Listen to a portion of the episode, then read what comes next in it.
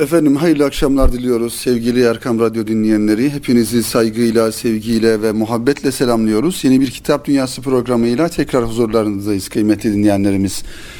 Sevgili dostlar, Kitap Dünyası programı olanca hızıyla devam ediyor ve her gün, her geçen gün, her hafta sizler için hazırlamış olduğumuz birbirinden kıymetli kitaplarla beraber o kitapların muhtevalarını da sizlerin gönül dünyasına, kitap dünyalarınıza taşımaya çalışıyoruz inşallah. Umarız bir nebzede olsa sizin kitap kültürünüze, kitap dünyanıza katkıda e, bulunmuş isek eğer kendimizi mutlu ve bahtiyar hissedeceğiz.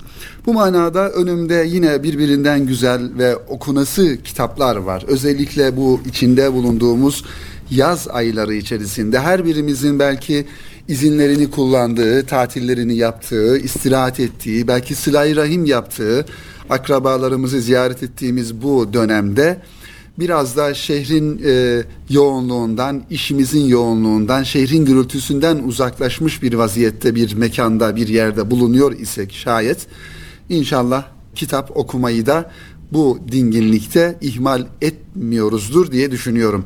Bu vesileyle e, seçtiğimiz kitaplar belki bazen e, içinde bulunduğumuz mekanın, içinde bulunduğumuz e, atmosfere göre belki zaman zaman ağır da olabilir ama elbette ki kitapları biz her zaman anlatmaya devam edeceğiz kıymetli dinleyenlerimiz. Bu vesileyle Ravza yayınlarından çıkan bir kitap var. Aslında bu kitap daha önce yani geçtiğimiz yıllarda yayınlanmış klasik bir eser. İmam Nevevi Hazretleri'nin Resulullah sallallahu aleyhi ve sellem Efendimizin dilinden dualar ve zikirler üst başlığını taşıyor. Kitabın ismi El Ezkar. Kalın bir kitap, hacimli bir kitap sevgili dostlar. Yani 724 sayfadan oluşan tamamen dualarla ilgili İmam Nevevi Hazretleri'nin bundan yıllar önce yazdığı ve Türkçe'ye de Harun Ünal Beyefendinin kazandırdığı Ahmet Yasin Eroğlu Bey ile beraber Harun Ünal Bey'in Türkçe'ye kazandırdığı Ravza yayınlarından çıkan dualar ve zikirler kimin dilinden? Peygamber Efendimizin dilinden bize kadar ulaşan bu kitap. Tabi bakalım bu kitabın baş tarafında kitabın bir manada e, mukaddemesini oluşturan bölümde e, kitapla alakalı teferruatlı bilgilere rastlıyoruz. Bu kitabı niçin programımızda sizlere takdim etme ihtiyacı duydum. Onu da ifade edeyim sevgili dostlar.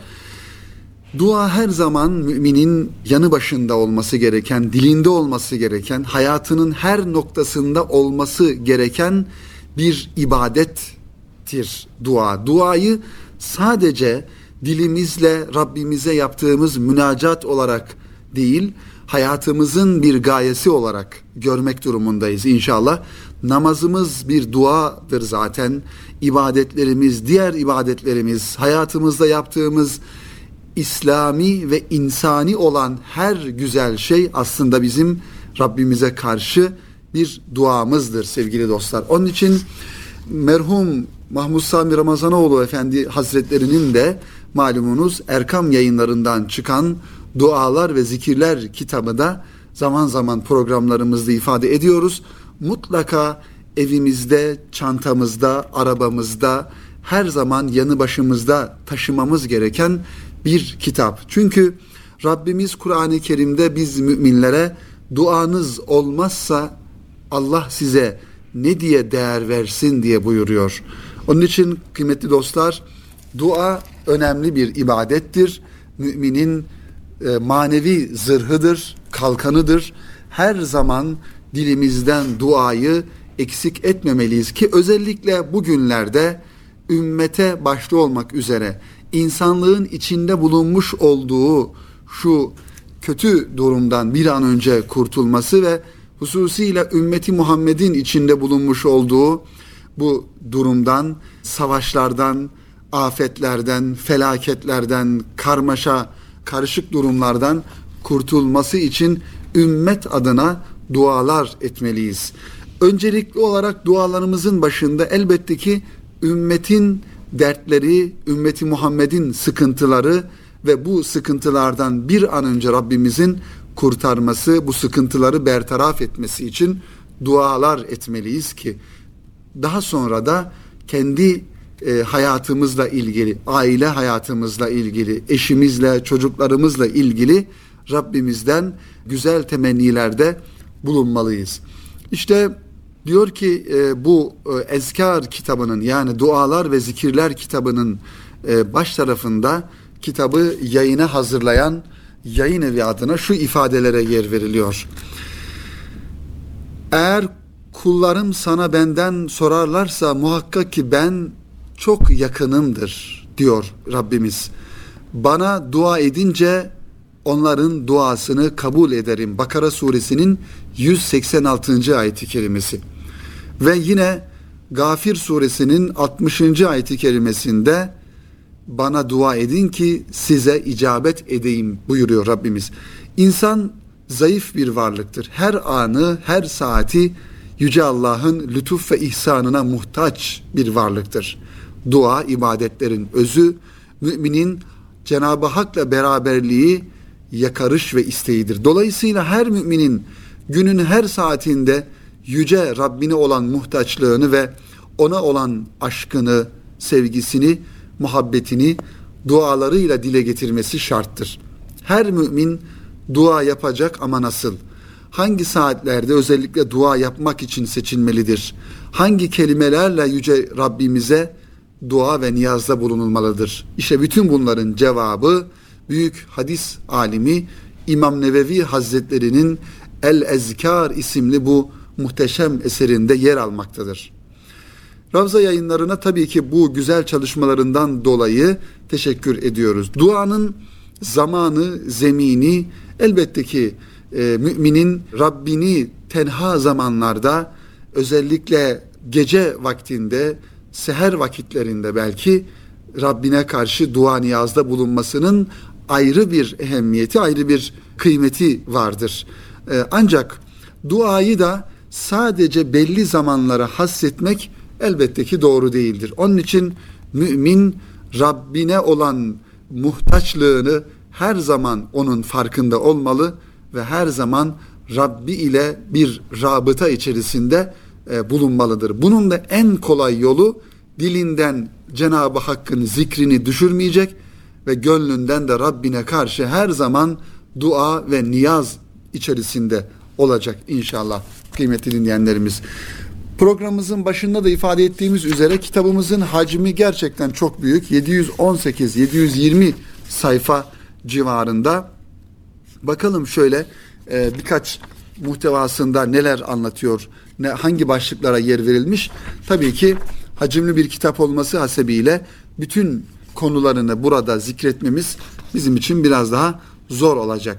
İmam Nevevi Hazretleri'nin hayatı ve eserlerinden başlıyor ve amellerin fazileti, zikir halkaları, kalp ve dil ile zikir, zikrin önemi bu konulara temas ediliyor ve zikir sırasında nasıl davranmalı ve hangi zamanlarda, hangi yerlerde, mekanlarda zikir yapılmalı e, gibi konulara yani birinci kitabımızın daha mukaddimesi ve daha birinci bölüme gelmeden önceki giriş bölümünde İmam Nevevi Hazretleri bizi bir zikir iklimine hazırlıyor. Gönlümüzü, kalbimizi ve dilimizi zikre nasıl hazırlamamız gerektiğini çünkü duada bir zikirdir veya zikir de bir duadır anlamında bakarsak önce manevi olarak bizi zikre, zikrin nasıl yapılması gerektiğine e, hazırlıyor.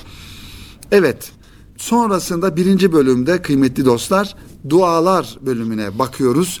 Uykudan uyanınca okunacak dualar, elbise giyerken okunacak dualar ve buna benzer günlük hayatımızda evden çıkarken, eve girerken, geceleyin evden çıkarken ve bu manada hayat günlük hayatımızda insani ihtiyaçlarımızı giderirken ya da günlük insani e, hayatımızı sürdürürken yapılması gereken duaları burada zikrediyor İmam Nevevi Hazretleri.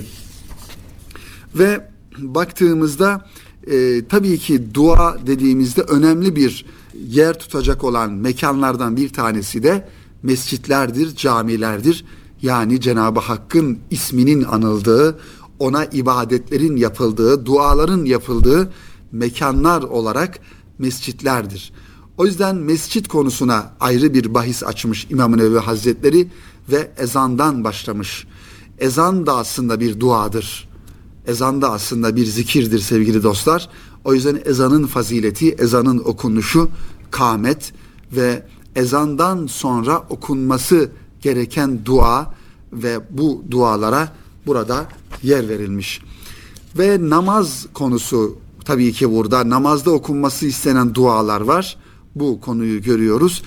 Şöyle düşündüğümüzde kıymetli dinleyenler aslında namaz kıldığımızda tekbir almamızdan itibaren Subhaneke'yi okuyoruz. Subhaneke'nin kendisi bir duadır. Ve Subhaneke'den sonra okuduğumuz Fatiha suresi her namazda, her rekatta okuduğumuz Fatiha suresi de aynı zamanda bir duadır. Manasına baktığımızda Rabbimizden ne yapıyoruz? Fatiha suresinde bir takım isteklerde, niyazlarda bulunuyoruz. Bizi doğru yola iletmesini Cenab-ı Hak'tan istiyoruz. Bizi sapkınların ve dalalete düşenlerin yoluna iletmemesini istiyoruz Cenab-ı Hak'tan. Onun için Fatiha suresi de bir duadır. Ve rükuda okuduğumuz dualar, secdede okuduğumuz aynı şekilde dualar her birisi birer dua cümlesidir kıymetli dinleyenlerimiz. Onun için namazın yani salat kelimesinin bir manası da duadır veya zikir kelimesinin bir manası da namazdır. Onun için İmam Nevevi Hazretleri bu bahiste namaz konusunu özellikle e, geniş bir şekilde ele almış ve namazın içerisinde namazın dışında namazı bitirirken yapılacak yapılması gereken duaları burada zikrettiğini görüyoruz. Üçüncü bölümde kıymetli dinleyenlerimiz Kur'an-ı Kerim okumanın fazileti ve adabı Kur'an tilaveti başlığı altında Kur'an'la ilgili Kur'an okuma adabını burada e, ifade etmiş. Hatim duası aynı şekilde hatim duası yapmanın müstehap olduğunu ifade ediyor İmam Nevevi Hazretleri ve Kur'an-ı Kerim'in içerisindeki geçen dua cümlelerine yer veriyor. O yüzden Kur'an-ı Kerim'e Kur'an-ı Kerim'i okumanın adabı ile baktığımızda Kur'an'ı güzel sesle okumak gerektiğini e, ifade ediyor ve Kur'an'ın sesli veya sessiz okunması gerektiği ile alakalı burada bir bölüm açtığını görüyoruz. İşte kıymetli dinleyenlerimiz Peygamber Efendimiz'e salatü selam getirmenin de bir dua olduğunu e, burada salatü selamların e, selamların Efendimiz'e salavat getirmenin muhtevasını görüyoruz burada. Sadece Peygamber Efendimiz'e değil bütün peygamberlere salatü selam getirmenin de bizlerin üzerine bir görev olduğunu e, İmam Nevevi Hazretleri ifade ediyor kıymetli dinleyenlerimiz. Peygamber Efendimiz'e salatü selam getirmenin kıymetli dinleyenlerimiz Kur'an-ı Kerim'de bir emir ifade eden ayeti kerime ile zikredilmesi tabii ki e, önemli. Dolayısıyla bunu bir dua olarak bilmemizin yanında aslında Peygamber Efendimiz'e salatü selam getirmenin Cenab-ı Hakk'ın bir emri olduğunu da bilmek lazım. E, bu ayet-i kerime inna Allah ve melaiketehu yusalluna alen nebi ya eyyuhellezine amenu sallu aleyhi ve sellimu teslima. Allah ve melekleri peygambere salat ediyorlar. Ey iman edenler siz de peygambere salatü selam getirin. Ayet-i kerimesi her cuma günü cuma namazı esnasında müezzin efendinin okumuş olduğu bir ayeti kerime. Ve Peygamber Efendimizin hadisi şeriflerinden de öğrendiğimiz üzere Efendimiz buyuruyor ki sizden birisi bana salatü selam getirdiği zaman ben ona mutlaka mukabelede bulunurum diyor. Onun için salatü selamı bir virt haline getirmemiz, dilimizde sürekli Peygamber Efendimiz'e salatü selam getirmemizi bir alışkanlık haline getirmemizde herhalde doğru ve güzel bir davranış olsa gerek. Onu da bir ibadet şuuruyla yapmak gerekiyor.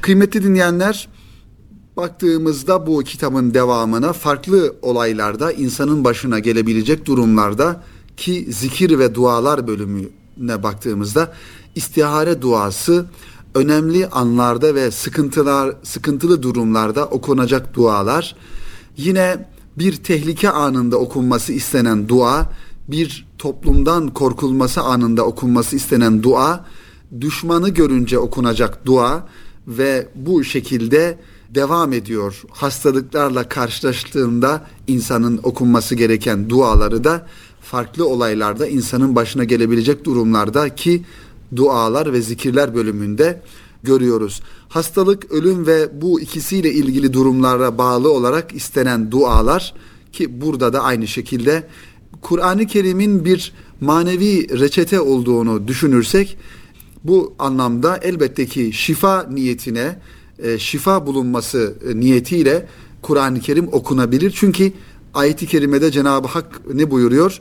Biz diyor Kur'an-ı Kerim'i müminler için bir şifa ve rahmet olarak indirdik. Onun için e, rahmet ve şifa olarak indirilen Kur'an-ı Kerim'i kıymetli dinleyenlerimiz bir kardeşimize şifa bulması niyetiyle okunmakta da bir e, sakınca yoktur. E, onun için bu manada tabii ki şunu da hemen ifade etmek lazım.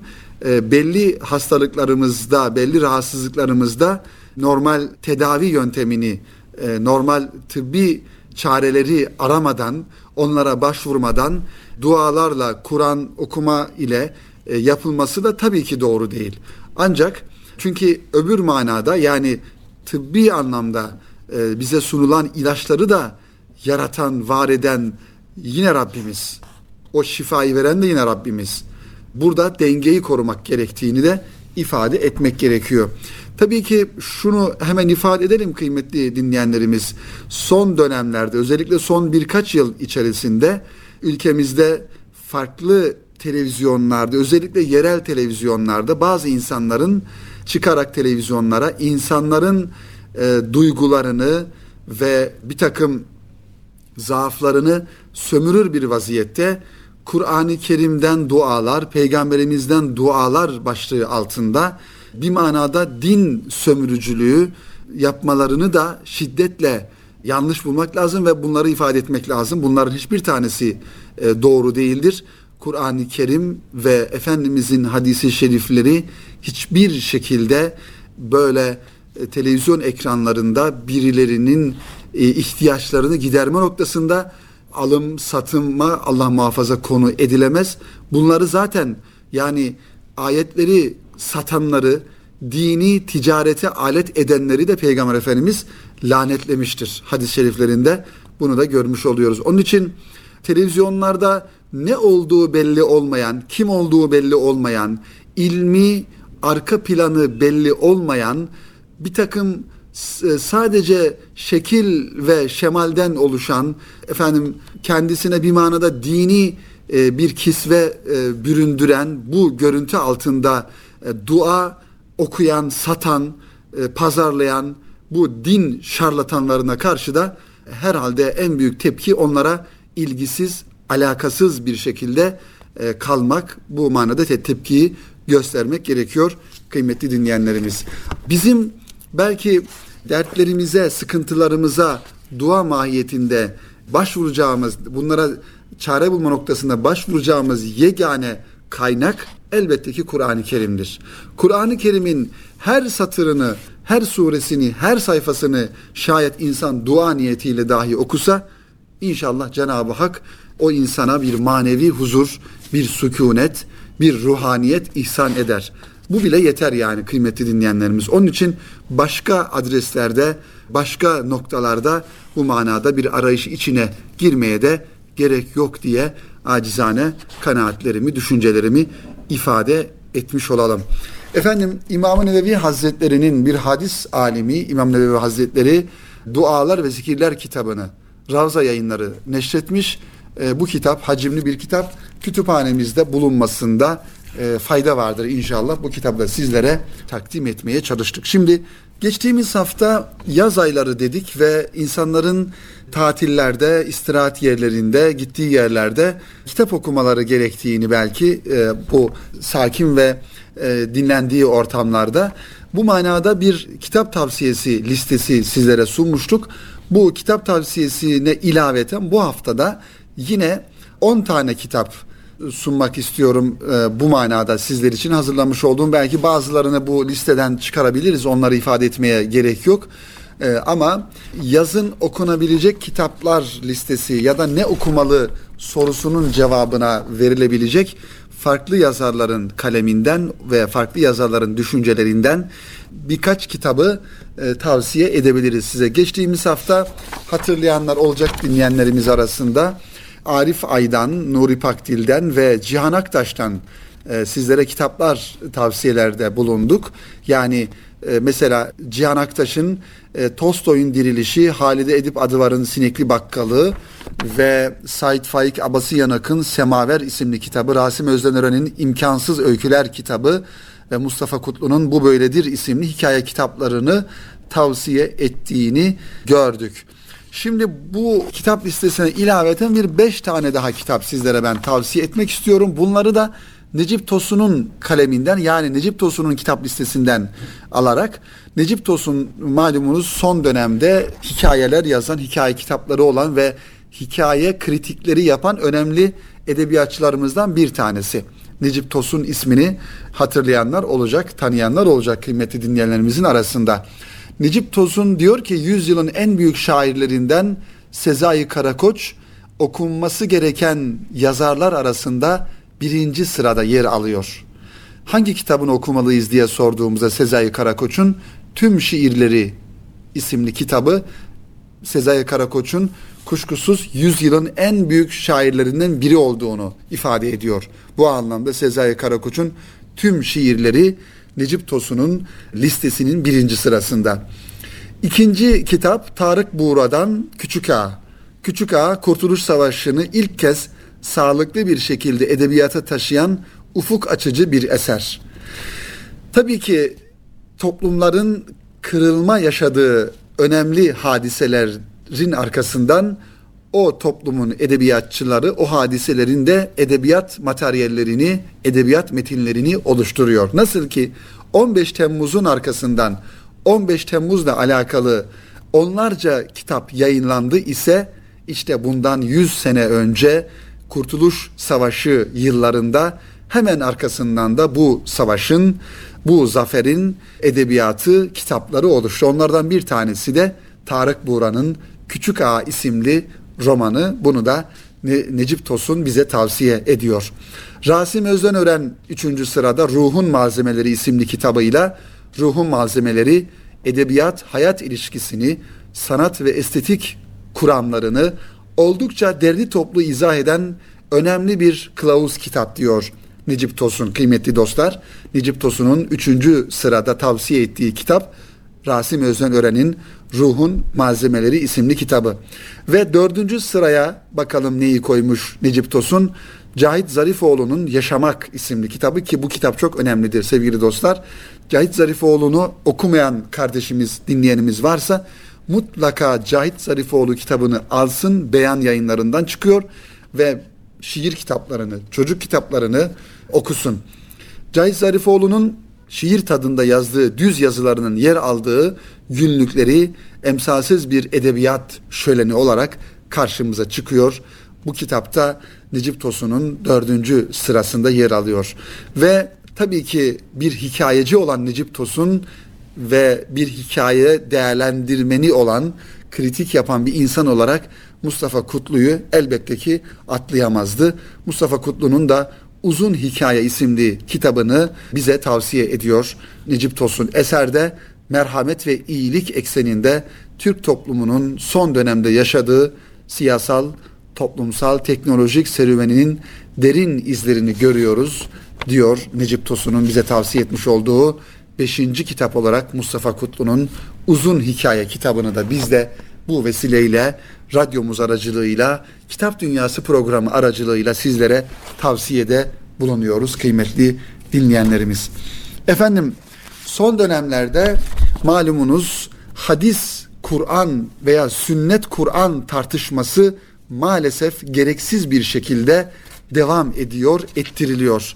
Bu manada Müslümanların kafasını karıştırmak, hadisi itibarsızlaştırmak, Allah muhafaza Peygamber Efendimizin konumunu tartışmaya açmak gibi densizliklere, yanlış yollara tevessül eden, giden, sözde ilahiyatçı, sözde alim görünen insanların televizyon ekranlarından boy gösterdiğini, fikirler ileri sürdüklerini, tartıştıklarını ve toplumumuzun zihnini bulandırdıklarını da görüyoruz üzüntüyle. Bu manada herhalde bu tarz insanlara karşı göstermemiz gereken en büyük tepki sünnete, sünneti seniyeye gücümüzün yettiği kadar sarılmak, sünneti yaşatmak ve Peygamber Efendimiz'i her fırsatta, her ortamda anmak, anlatmak ve onun güzel ahlakını insanlara duyurmak olsa gerek diye düşünüyorum. Bu e, manada Hayri Kırbaşoğlu'nun İslam Düşüncesinde Sünnet isimli bir kitabı yayınlandı. Belki ilmi bir kitap olması hasebiyle ilgili kardeşlerimizin merak edebilecekleri, okuyabilecekleri e, kitaplardan bir tanesi.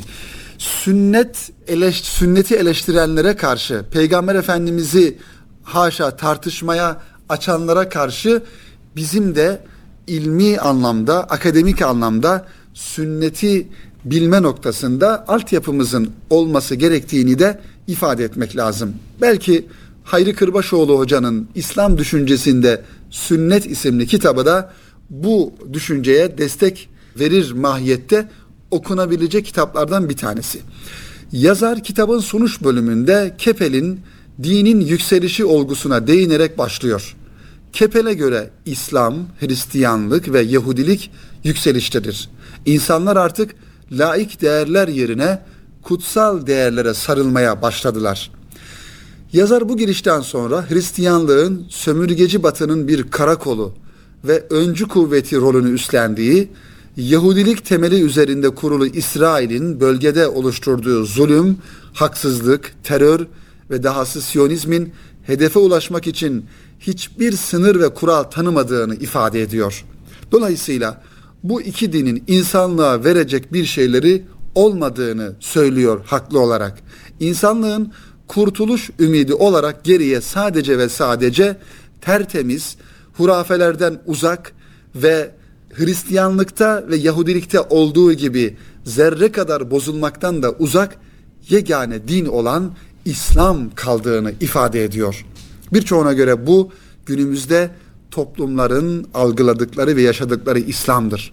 Böyle olunca bugün İslam toplumlarını dahi kurtaramayan İslam'ın gezegenimizi nasıl kurtarabileceği sorusu da maalesef gündeme gelmektedir ki bu da burada kastedilen İslam tarihi boyunca Müslümanlar tarafından anlaşılmış ve uygulanmış şekliyle değil, Kur'an ve onun pratiğe geçirilmiş olan sünnette yer alan ilke ve değerler olarak İslam'dır. Bu İslam potansiyel olarak içinde yaşadığımız çağın problemlerinin üstesinden gelebilecek güçte olmakla birlikte henüz hayatın her alanını kuşatan kapsamlı bir proje, bir dünya görüşü olarak geliştirilmemiş olmasından dolayı bu fikri ortaya koyuyor yazarımız. Sorun da buradadır. Yani sorun özetleyecek olursak kıymeti dinleyenler sorun İslam'ın evrensel mesajından Kur'an'ın ve sünnetin e, dünyanın bütün insanlığını ve bütün problemlerini kuşatan bir evrensel yönünün olmasında değil, bunu İslam'ı maalesef günümüzdeki belki bizim yani Müslümanların eksikliğinden kaynaklı bir bu kadar kapsamlı bir şekilde sunamayışımızdan kapsamlı bir proje ve dünya görüşü haline getire, getiremeyişimizden kaynaklanan bir problem.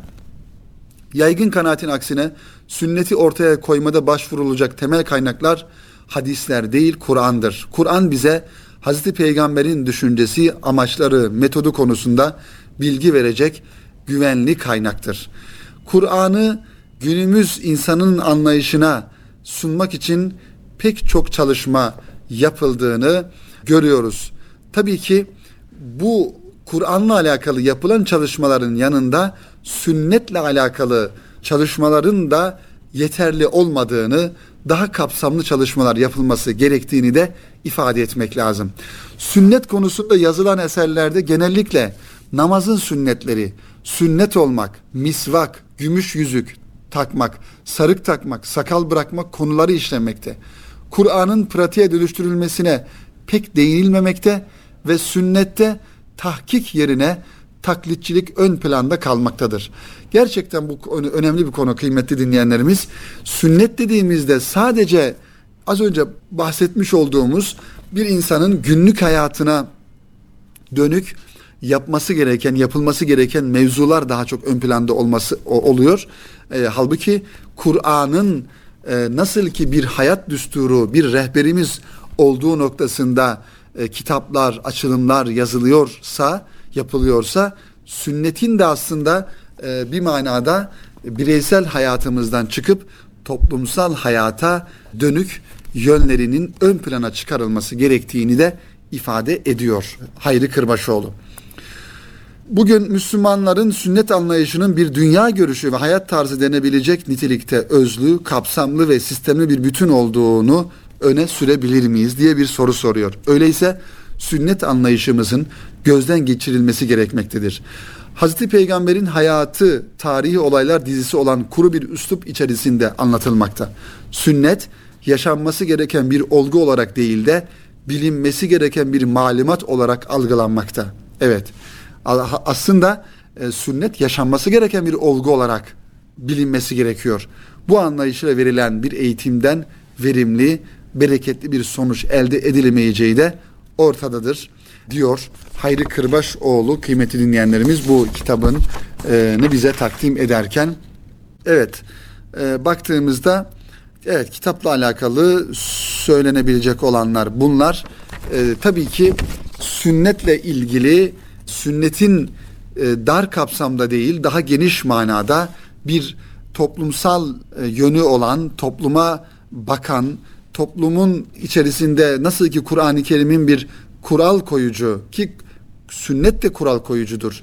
Ama Kur'an-ı Kerim nasıl ki ön plana çıkarılmış, tefsirler yazılmış e, ve ifade ifade edilmişse aslında mesela hadis hadisle alakalı böyle tefsir mantığında açıklamalı daha geniş e, kitapların çoğalması gerekiyor. Bu manada belki Erkam Yayınları'nın yayınladığı Riyazu Salih'in kastettiğimiz mahiyette yazılmış bir eserdir. Ancak Riyazu Salih'inde 1800 adet hadis var ama Kütüb-ü Sitte'de binlerce hadis var. Belki bütün Kütüb-ü Sitte'nin e, hadislerinin böyle bir tefsir mantığında e, açıklanması, izah edilmesi herhalde sünnete yapılacak hizmetlerden güzel bir hizmet olur diye düşünüyoruz kıymetli dinleyenlerimiz. Efendim bu kitabı da sizlere takdim ettikten sonra programımızın burada sonuna gelmiş bulunuyoruz. İkinci bölümü de bitirmiş oluyoruz. İnşallah önümüzdeki hafta yeni kitaplarımızla ve yeni konularımızla tekrar huzurlarınızda olmayı ümit ediyoruz.